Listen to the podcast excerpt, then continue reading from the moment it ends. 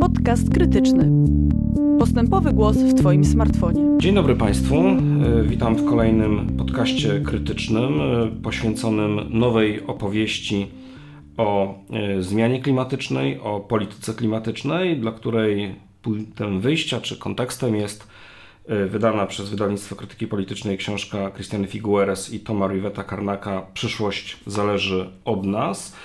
I w naszych podcastach e, rozmawiamy e, z polityczkami różnych formacji e, parlamentarnych i nie tylko o tym, w jaki sposób opowiadać o zmianie klimatycznej Polkom i Polakom. Dziś moją gościnią jest Daria Gosek-Popiołek, posłanka Lewicy. Dzień dobry. Dzień dobry. Ja mm, zacznę od takiego krótkiego cytatu y, z książki y, Figueres i Rivetta Karnaka. Obecnie, jako że dotarliśmy do granic zdolności naszej planety do podtrzymywania na niej życia w takiej formie, jaką znamy, wyczerpaliśmy też zasoby opowieści, które definiują nasze istnienie. Osobiste osiągnięcia mierzone czerpiącą z indywidualizmu rywalizacją, ciągła konsumpcja, sceptycyzm wobec naszych zdolności do solidarnego działania i nieumiejętność dostrzeżenia głębszych skutków naszej ingerencji w środowisku to już zupełnie bezwartościowe narracje. E, no właśnie, e, kilka z tych kwestii, e, jak Ula opasuje do polskiego kontekstu, sceptycyzm wobec zdolności do solidarnego działania na przykład, to niemal powiedziałbym stereotypowa cecha naszego społeczeństwa. I ja chciałbym zapytać na początek, Y, o to, y, czy w sytuacji, w której wiemy, że y, mierzymy się z wielkim, bezprecedensowym w najnowszej historii kryzysem, jakim jest kryzys klimatyczny, i wiemy, że wymaga on działania wspólnotowego, wspólnego na poziomie makro, a nie na poziomie indywidualnym. I wiemy również, że wymaga działań szybkich i bardzo zdecydowanych. I teraz moje pytanie brzmi: jak wytłumaczyć tym Polkom i Polakom, którzy za sprawą polityki klimatycznej mogą utracić miejsca pracy, y, których warunki życia, podstawy bytu mogą się zmienić, no może nie z dnia na dzień, ale z miesiąca na miesiąc i z roku na rok.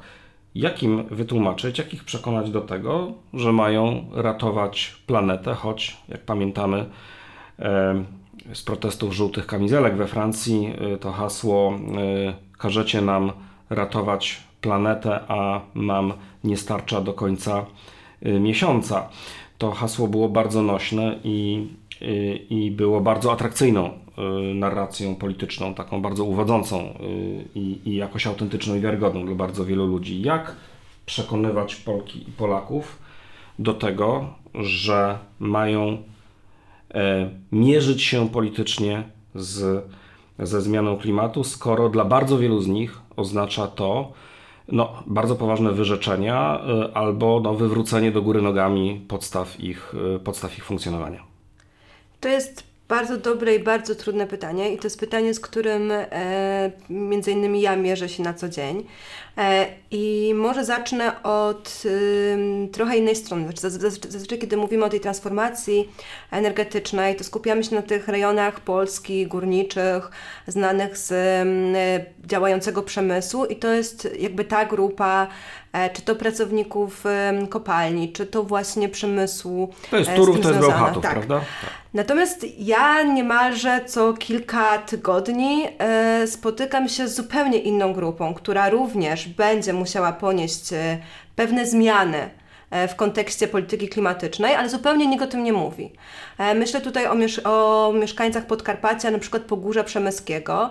To są te tereny, które od kilku lat nazywamy mm, Puszczą Karpacką, czyli te szczególnie cenne przyrodniczo e, stare lasy, e, które w momencie, w którym będziemy już tak na serii jakby e, wprowadzać w życie strategię bioróżnorodności, to będą tereny, z których niestety będziemy musieli, albo na szczęście będziemy musieli wyjąć dużą część lasów i ograniczyć tam produkcję drewna. Co oznacza, że wielu pracowników e, branży leśnej z takich terenów najgorzej rozwiniętych, z terenów, gdzie tej pracy naprawdę jest mało, gdzie te odległości między mniejszymi e, wsiami a dużymi miastami są naprawdę, naprawdę duże, stanie przed takim problemem. Znaczy, co się z nami stanie? Co będzie z tymi miejscami pracy? Przecież wszyscy nie otworzymy agroturystyki. No właśnie, ale no to y, w pewnym sensie ten argument, czy, ta, czy ten przykład, on pokazuje, że sytuacja jest może jeszcze trudniejsza niż się nam powszechnie wydaje, bo w potocznym rozumieniu no, najbardziej narażone regiony to są te właśnie górnicze, czyli to jest i te, które są jednocześnie monokulturami przemysłowymi, prawda? Czyli to jest no, z jednej strony region Bełchatowa, z drugiej strony Turów, ostatnio bardzo głośny konflikt z Czechami wokół funkcjonowania kopalni i, i, i elektrowni. No a tu się okazuje, że są jeszcze y, kolejne y, całe regiony, prawda? Nie pojedyncze grupy społeczne, tylko całe nawet społeczności. No to w pewnym sensie mogę tylko ponowić i wzmocnić tak. pytanie. No to jak przekonać takich ludzi, dla których to jest Y, perspektywa, dla których polityka klimatyczna jest perspektywą przede wszystkim utraty pracy, bo właśnie nie wszyscy y, będziemy y, montować panele i nie wszyscy założymy agroturystykę.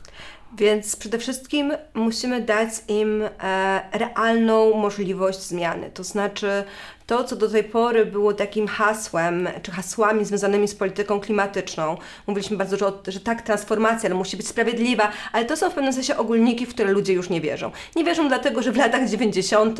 zobaczyliśmy, gdzie te ogólniki nas prowadzą. To znaczy donikąd. Ja jestem dziewczyną Sosnowca, ja widziałam e, lata 90. i naprawdę to, ta, ta zmiana, która dotknęła e, te rejony górnicze była straszna, drastyczna i, i do dzisiaj widzimy jej skutki. Więc A na to, Górnym co... Śląsku i Zagłębiu nie było jeszcze najgorzej, prawda?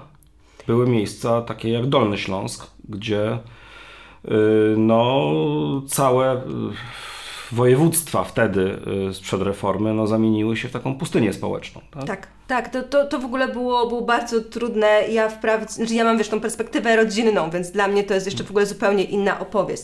Natomiast to, co musimy my jako politycy zrobić, I to myślę jakby niezależnie od tego, czy jesteśmy w opozycji, czy jesteśmy nie w opozycji, bo to jest ta rzeczywistość, z którą przychodzi nam się mierzyć, to jest dać e, pewne rozwiązania praktyczne. Czy nie opowieści o agroturystykach, ale dać konkretny plan, gdzie miejsca pracy, e, jak one mają wyglądać, jak będzie wyglądało państwo jako pracodawca. Czyli ja mam wrażenie, że my bardzo często zapominamy, myśląc o transformacji tych regionów, że państwo również może zapewniać miejsca pracy, że to nie tylko biznes, nie tylko ten sektor prywatny.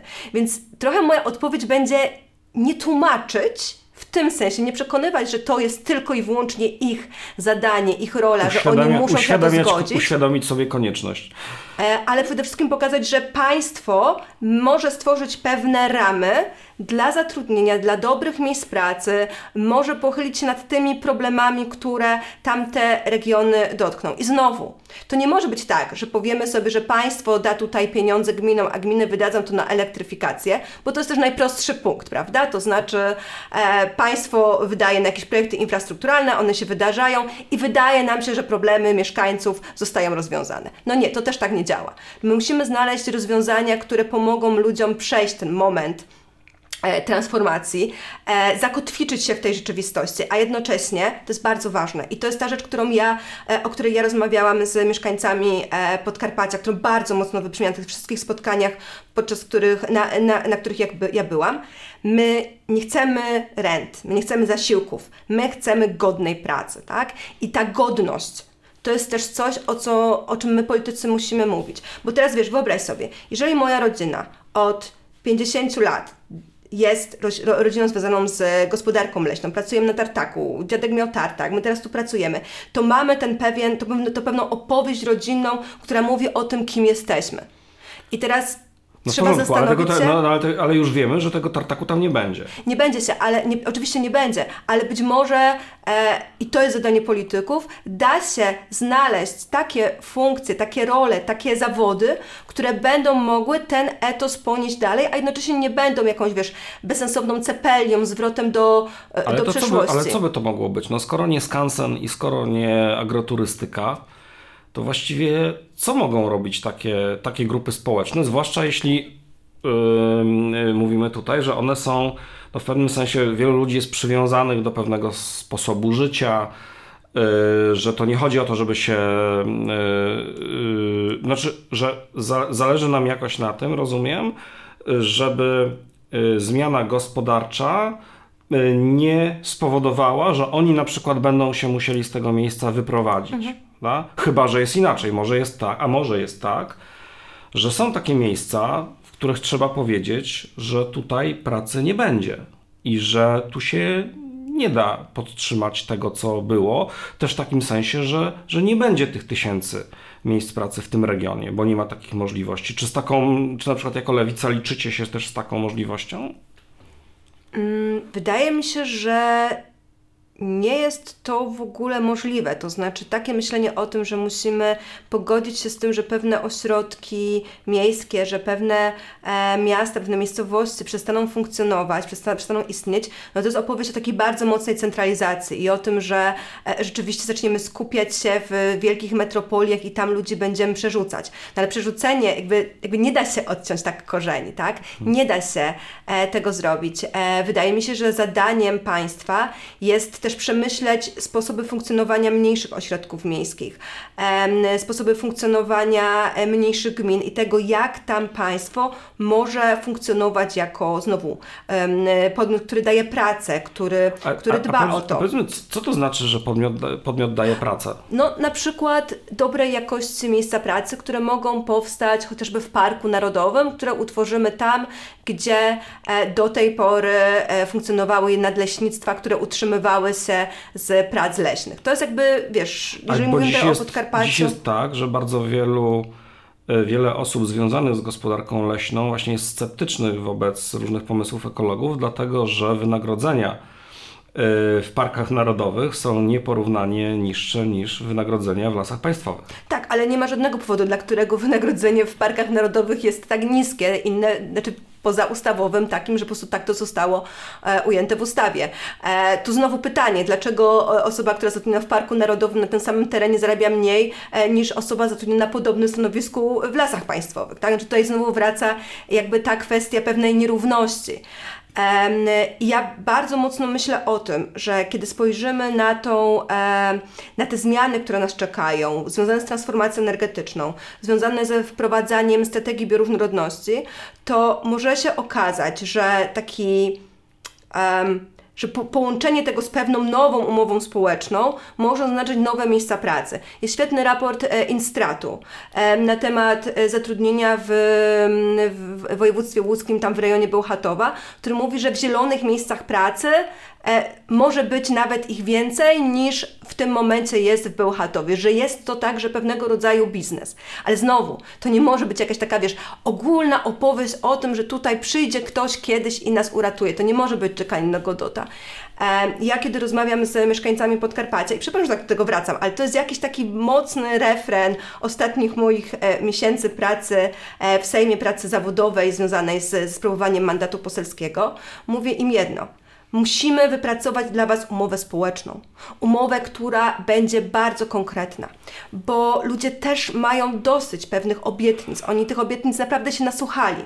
Więc wracając do tego pierwszego pytania, tak? Jakby od czego zacząć? Owszem, można tłumaczyć, można uświadamiać, ale tak naprawdę bez pewności pracy tak? Bez pewności funkcjonowania, bez wizji tego, jak nasze miasto, jak nasza wioska będzie wyglądała za 10-15 lat, nie będzie dobrze. Zwłaszcza, że pamiętajmy jeszcze jednej rzeczy.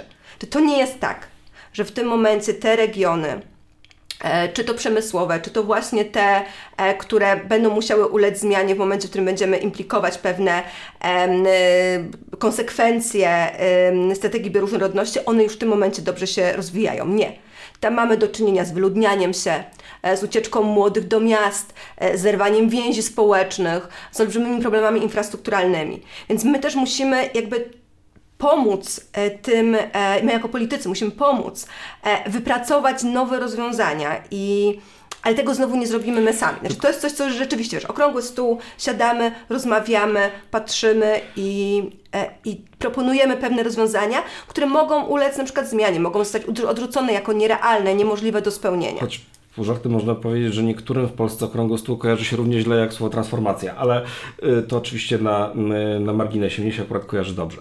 Ale, y, bo mm, mówisz o umowie społecznej, okej, okay. Tylko kiedy patrzymy na proces negocjacji rządu z na przykład związkowcami z regionów górniczych, Yy, zwłaszcza tak było w przypadku węgla kamiennego, no to widać taką dość, dość, dość, dość, dość czytelną dynamikę, w której no, tej stronie, nazwijmy ją społecznej, zależy przede wszystkim na wydłużeniu, opóźnieniu przedłużeniu tego y, procesu, y, to znaczy po to, żeby jak najpóźniej zamknąć to, co jest i jak najpóźniej likwidować te miejsca pracy, które istnieją w tym przemyśle, który jest w tym wypadku wydobywczym i energetyce opartej na, na węglu. I to jest jakoś zrozumiałe, to znaczy, bo to pamiętam Edwin Bendy kiedyś wskazywał na taką zasadę na podstawie teorii gier, że jeśli gracz Y, wie, że na dłuższą metę ma niewielkie szanse na zwycięstwo, to próbuje maksymalizować uzysk w pierwszej rundzie, prawda? Czyli y, uzyskać najwięcej jak się da, czyli na przykład zagwarantować sobie, czy to, nie wiem, emeryturę na dobrej, dobrej e, wysokości, czy jakieś, jakieś rozwiązania, które są y, z jego, jej punktu widzenia korzystne Y, nie myśląc o tej długiej perspektywie, bo w tej długiej perspektywie nie ufa temu drugiej, tej, tej drugiej stronie, którą w tym wypadku jest państwo. No ale jak w takich warunkach zawierać umowy społeczne, które zmierzałyby do transformacji rzeczywiście tych regionów, no a nie tylko tego, żeby jak najdłużej trwało to, co jest? Mm, oczywiście nie zgadzam, znaczy rozumiem zupełnie perspektywę osób, które boją się niepewności i chcą przedłużać stan istniejący maksymalnie jak się da, bo nie wiedzą, co nastąpi potem. No ale to wynika z tego, że państwo jako, czy rząd, tak, y, zasadniczo nie traktuje e, tych ludzi poważnie. To znaczy, e, zależy na, im na pewnej e, liczbie głosów, poparciu społecznym i robi to za wszelką cenę, czyli próbuje ukryć pewne konsekwencje tak naprawdę, myśląc, że być może to odium spadnie na kolejne ekipy rządzące, albo gdzieś się w przyszłości, nie wiem, wydarzy wielka rzecz, nie wiem, przyjdzie kolejne zlodowacenie i trask, nie będzie tego. Czy to jest po prostu przykład... Albo promieniowanie e, słoneczne tak. się odwróci. Czy to jest po prostu przykład, wiesz, braku e, tak naprawdę szacunku e, do tego, jakie są e, przyszło, jaka jest przyszłość tych regionów, które będą musiały podlegać transformacji. E, a ja sobie myślę, że czasami ta strategia, która, która jest proponowana, jest strategią najgorszą, czy my nie przeczekamy tego. Mhm. Próbowaliśmy na przykład przeczekać zmianę, jeżeli chodzi o strategię bioróżnorodności i co? I to się nie wydarzyło. Mhm. Tak? I, i, I tak niestety jest. Znaczy, my możemy opóźniać pewne decyzje, ale one się będą wydarzyć, my będziemy musieli się nim podporządkowywać, także dlatego, że pamiętajmy, co jest, co jest stawką. Znaczy, stawką jest to, czy uda nam się zaadaptować do zmian klimatu, czy uda nam się przetrwać. I ja wiem, że jak mówimy o, o tych zmianach klimatu, to wszyscy widzą jakiś taki, wiecie, um, postapokaliptyczny scenariusz, po prostu z Tiną Turner na... No tak, Mad, Mad, Mad, film Mad tak, Max tak. tutaj e, Natomiast to będzie zupełnie inaczej wyglądać, to znaczy to będzie, to będą te zmiany, które e, po pierwsze będą stopniowe, E, będą nieodwracalne e, i one będą bardzo namacalne. To będą e, susze, które już są. Ja przypomnę tylko, że właściwie od 2013 roku nieustannie jesteśmy w stanie suszy. Znaczy Polska jest krajem, który w tym momencie od tylu lat jest krajem w stanie suszy i to widać w zbiorach, to widzą rolnicy. E, i te zmiany będą e, narastać. Więc to jest też taka, taka, taka, taki, taki moment, w którym my musimy uczciwie powiedzieć ludziom, że no tak, walczymy też o przyszłość, ale wciąż w tej walce potrzebujemy Was po naszej stronie, bo rozumiemy, że, e, że to jest nasze zadanie i jesteśmy w stanie pomóc Wam przejść, tak, przez ten proces transformacji. E, I to są trudne rozmowy, znaczy jakby nikt nie chce e, do nich siadać tak naprawdę, bo są piekielnie trudne, ale one są też piekielnie konieczne. I ta strategia samobójcza rządu według mnie bardziej ludzi zniechęca, odstrasza e, i sprawia, że to zaufanie społeczne jeszcze jest mniejsze i te, i te, i, i te prace, te rozmowy będą jeszcze trudniejsze. Mm. A, bo powiedzieliśmy o y, miejscach pracy i tych regionach, które są najbardziej y, zagrożone, y, znaczy ich funkcjonowanie gospodarcze i społeczne jest zagrożone w związku z, z polityką klimatyczną, ale jest jeszcze myślę, że druga strona tego problemu, to znaczy kwestia konsumpcji. Otóż no, to jest też jeden z elementów wpływających, czynników wpływających bardzo poważnie na na przykład emisję e, ale też e, emisje gazów cieplarnianych, ale też e, produkcję odpadów, zużywanie materiałów, wszystko to, co, co, co wiąże się z kosztami ekologicznymi naszego funkcjonowania naszej cywilizacji. Tutaj na, na końcu zawsze jest konsument. No i teraz mm, Polska, Polacy, Polki to jest takie społeczeństwo, które ma, jak sądzę, yy, takie poczucie, nie do końca nieuzasadnione, że jest takim społeczeństwem na dorobku i aspirującym. Znaczy takim, które miało pewną fantazję, czy marzenie, czy, czy utopię yy, pod koniec lat 80., zwłaszcza silną, to znaczy, żeby wreszcie tu było normalnie i żebyśmy dogonili Zachód. Znaczy tym horyzontem naszym było. Yy, Y, żyć tak, jak się żyje na Zachodzie, przy czym ten Zachód był utożsamiany z tymi najbogatszymi krajami Zachodu, czyli RFN, y, Austrią, Danią y, czy, czy, czy, czy Szwecją. Prawda? To, był, to był ten punkt odniesienia, który no sprawiał, że po prostu chcieliśmy być tego częścią. Tak? I to uczucie gdzieś tam jest, jest pewnie jakoś cały czas mocno żywe i myślę ma związek też z tym, że jesteśmy jednak wciąż bardzo, bardzo prounijni. No i i, i, I jednym z kluczowych y, y, y, elementów tej aspiracji jest właśnie poziom konsumpcji. Polacy i Polki od kilku lat, powiedzmy od czasu, zwłaszcza kiedy wstąpiliśmy do Unii Europejskiej, no, zyskali taką możliwość, bardzo wiele, bardzo wiele z nich zyskało taką możliwość, no właśnie zaspokajania tych potrzeb i tych aspiracji. Nie wszyscy, ale bardzo dużo. Bardzo dużo Polek i Polaków ma dziś wrażenie, że no, żyją lepiej na przykład niż ich, e, niż ich rodzice. To widać na parkingach e, polskich osiedli. Te samochody sprowadzane z zachodu to już nie są e, tak zwane szroty z wyprzedaży, tylko ten Niemiec płakał jak sprzedawał. Nie brzmi tak zupełnie karykaturalnie. No i teraz co? Przychodzi lewica, przychodzą ekolodzy i mówią im nie, nie będziecie sprowadzać diesli z Niemiec, tych wygodnych, fajnych, których, w których nie wstyd się przed sąsiadem y, pokazać. Nie będziecie latali na wczasy, dobra, może nie na Malediwy, bo to klasa wyższa, ale gdzieś tam do Barcelony albo, albo na Majorkę. Czy lewica będzie y, w kontekście polityki klimatycznej odbierać, zabraniać, y, skłaniać bądź zmuszać do wyrzeczeń w imię ratowania planety? Zależy kogo. E, Aha. Przede wszystkim tego, kogo musimy zmusić do wyrzeczeń, to jest tych, którzy odpowiadają za, e, których powiedzmy, e, którzy funkcjonują w zupełnie innej rzeczywistości, tak? Nie w rzeczywistości samochodu sprowadzanego z Niemiec, tylko w rzeczywistości, e, nie wiem, e, swojego garażu na 15 samochodów i prywatnego odrzutowca, tak? No ale umówmy się, ile osób w Polsce ma prywatne odrzutowce? No to pewnie okay, kilka, nie, ale mówimy, mówimy o pewnych, jakby wiesz, ale też jakby, ta, to, jakby to jest istotne, bo my zazwyczaj, kiedy mówimy o wyrzeczeniach, to te słowo o wyrzeczeniu kierujemy do właśnie tych grup, które są na dorobku, które w ostatnich latach przeżywają e, pewien rozwój, rzeczywiście ich e, po, po, są w pewnym momencie stabilizacji e, finansowo-zawodowej.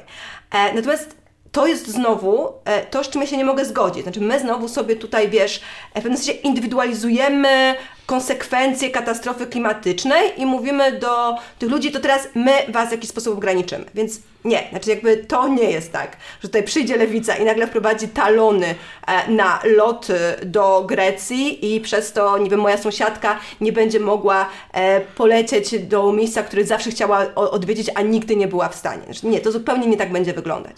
Czy my musimy skupić się przede wszystkim na tych zmianach systemowych, zmianach, które dotykają e, korporacje, które dotykają osoby najbogatsze, bo to jest także bardzo istotne. Natomiast to, co mówisz, to jest trochę inna rzecz. Czy my rzeczywiście musimy zmienić pewne nawyki? Ale te nawyki nie zmienią się od zakazu. Nawyki zmieniają się od dania możliwości. E, kiedy ludzie przysiadają się na przykład do kolejki, e, wtedy, kiedy Jak po pierwsze ona jest, jest, jak ta kolejka jest. ale nie tylko. Ona musi jaka być? Ona musi być regularna. Ona musi być tania.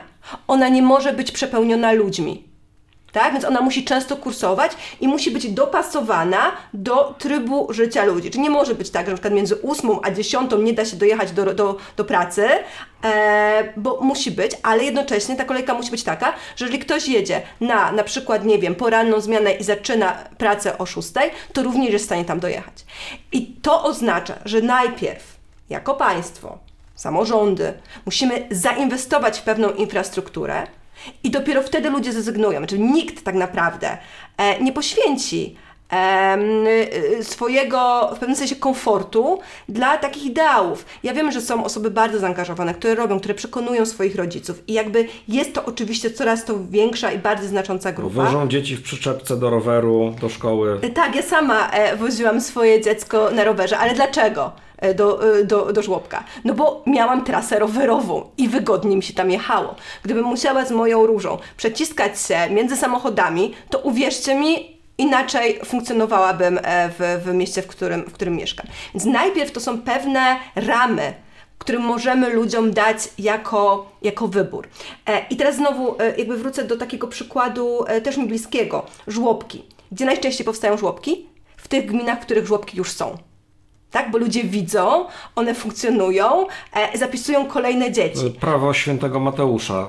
Dokładnie. A w momencie, w którym w jakiejś gminie nie ma żłobka, to rodzice nie widzą potrzeby i w każdym badaniu odpowiedzą: Nie, nie, no przecież ja jestem w domu, zajmuję się dzieckiem, mamy babcię, mamy ciocy, mamy sąsiadkę, radzimy sobie. No, no nie, jakby tak to nie wygląda. Tak nie wygląda pewna zmiana i możliwość. Więc e, myślę, że zamiast o tych takim haśle wyrzeczeń, musimy mówić bardziej o pewnej zmianie nawyku, ale znowu ona będzie możliwa tylko wtedy, kiedy ludzie będą mieli okazję to zrobić. Mhm.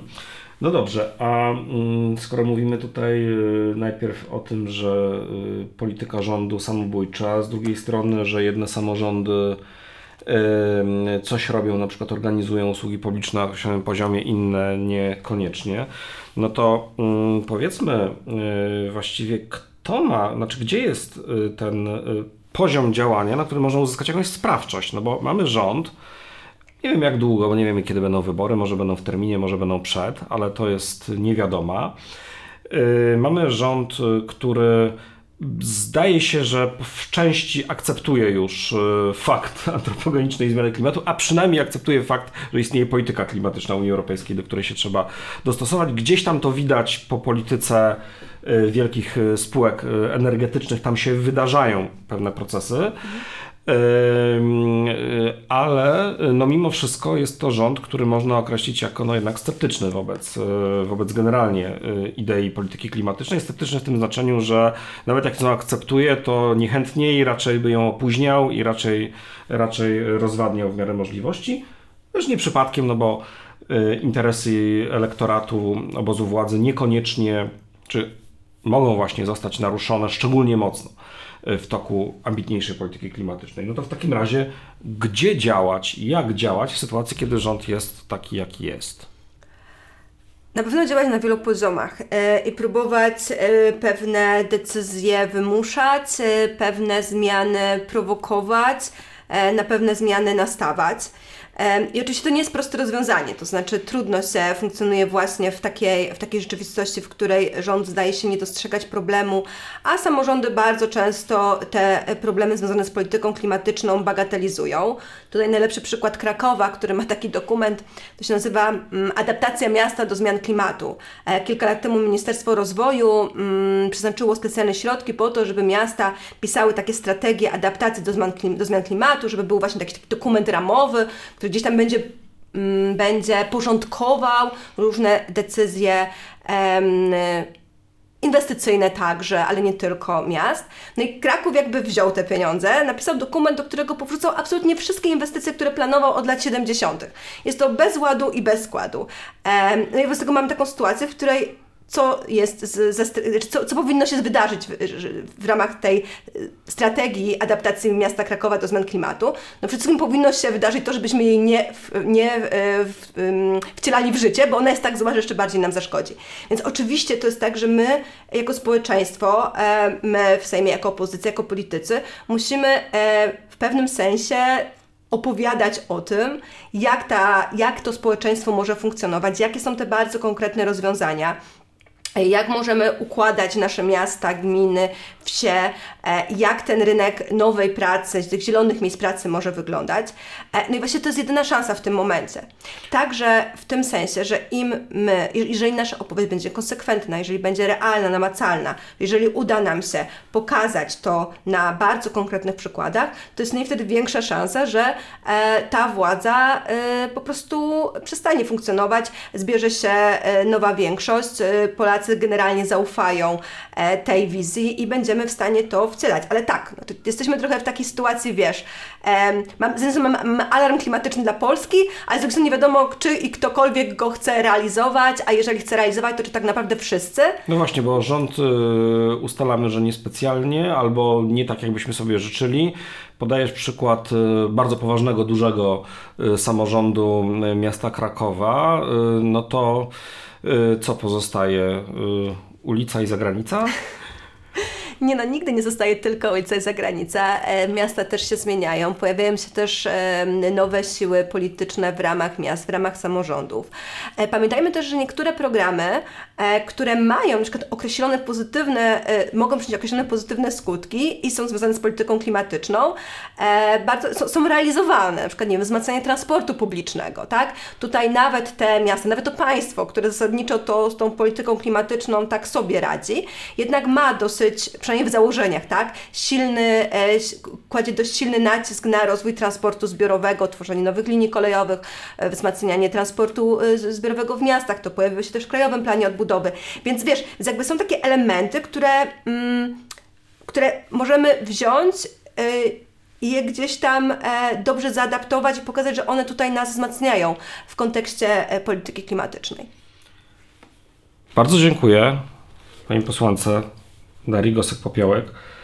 E, rozmawialiśmy o nowej opowieści dla Polski, e, o tym, jak ma wyglądać polityka adaptacji do zmiany klimatu, a także mitygacji samej zmiany e, klimatycznej, bo te dwa procesy istotne są i zachodzą równo, równocześnie. Rozmawialiśmy na kanwie książki Przyszłość zależy od nas, przewodnik po kryzysie klimatycznym dla niepoprawnych optymistów. Mam nadzieję, że nieco chociaż tego optymizmu udało się w naszym dzisiejszym programie zawrzeć. Dziękuję bardzo i zapraszam na kolejne podcasty krytyczne i kolejne opowieści o tym, jak mierzyć się ze zmianą klimatu. Dziękuję bardzo i dziękuję za zaproszenie. Dziękuję.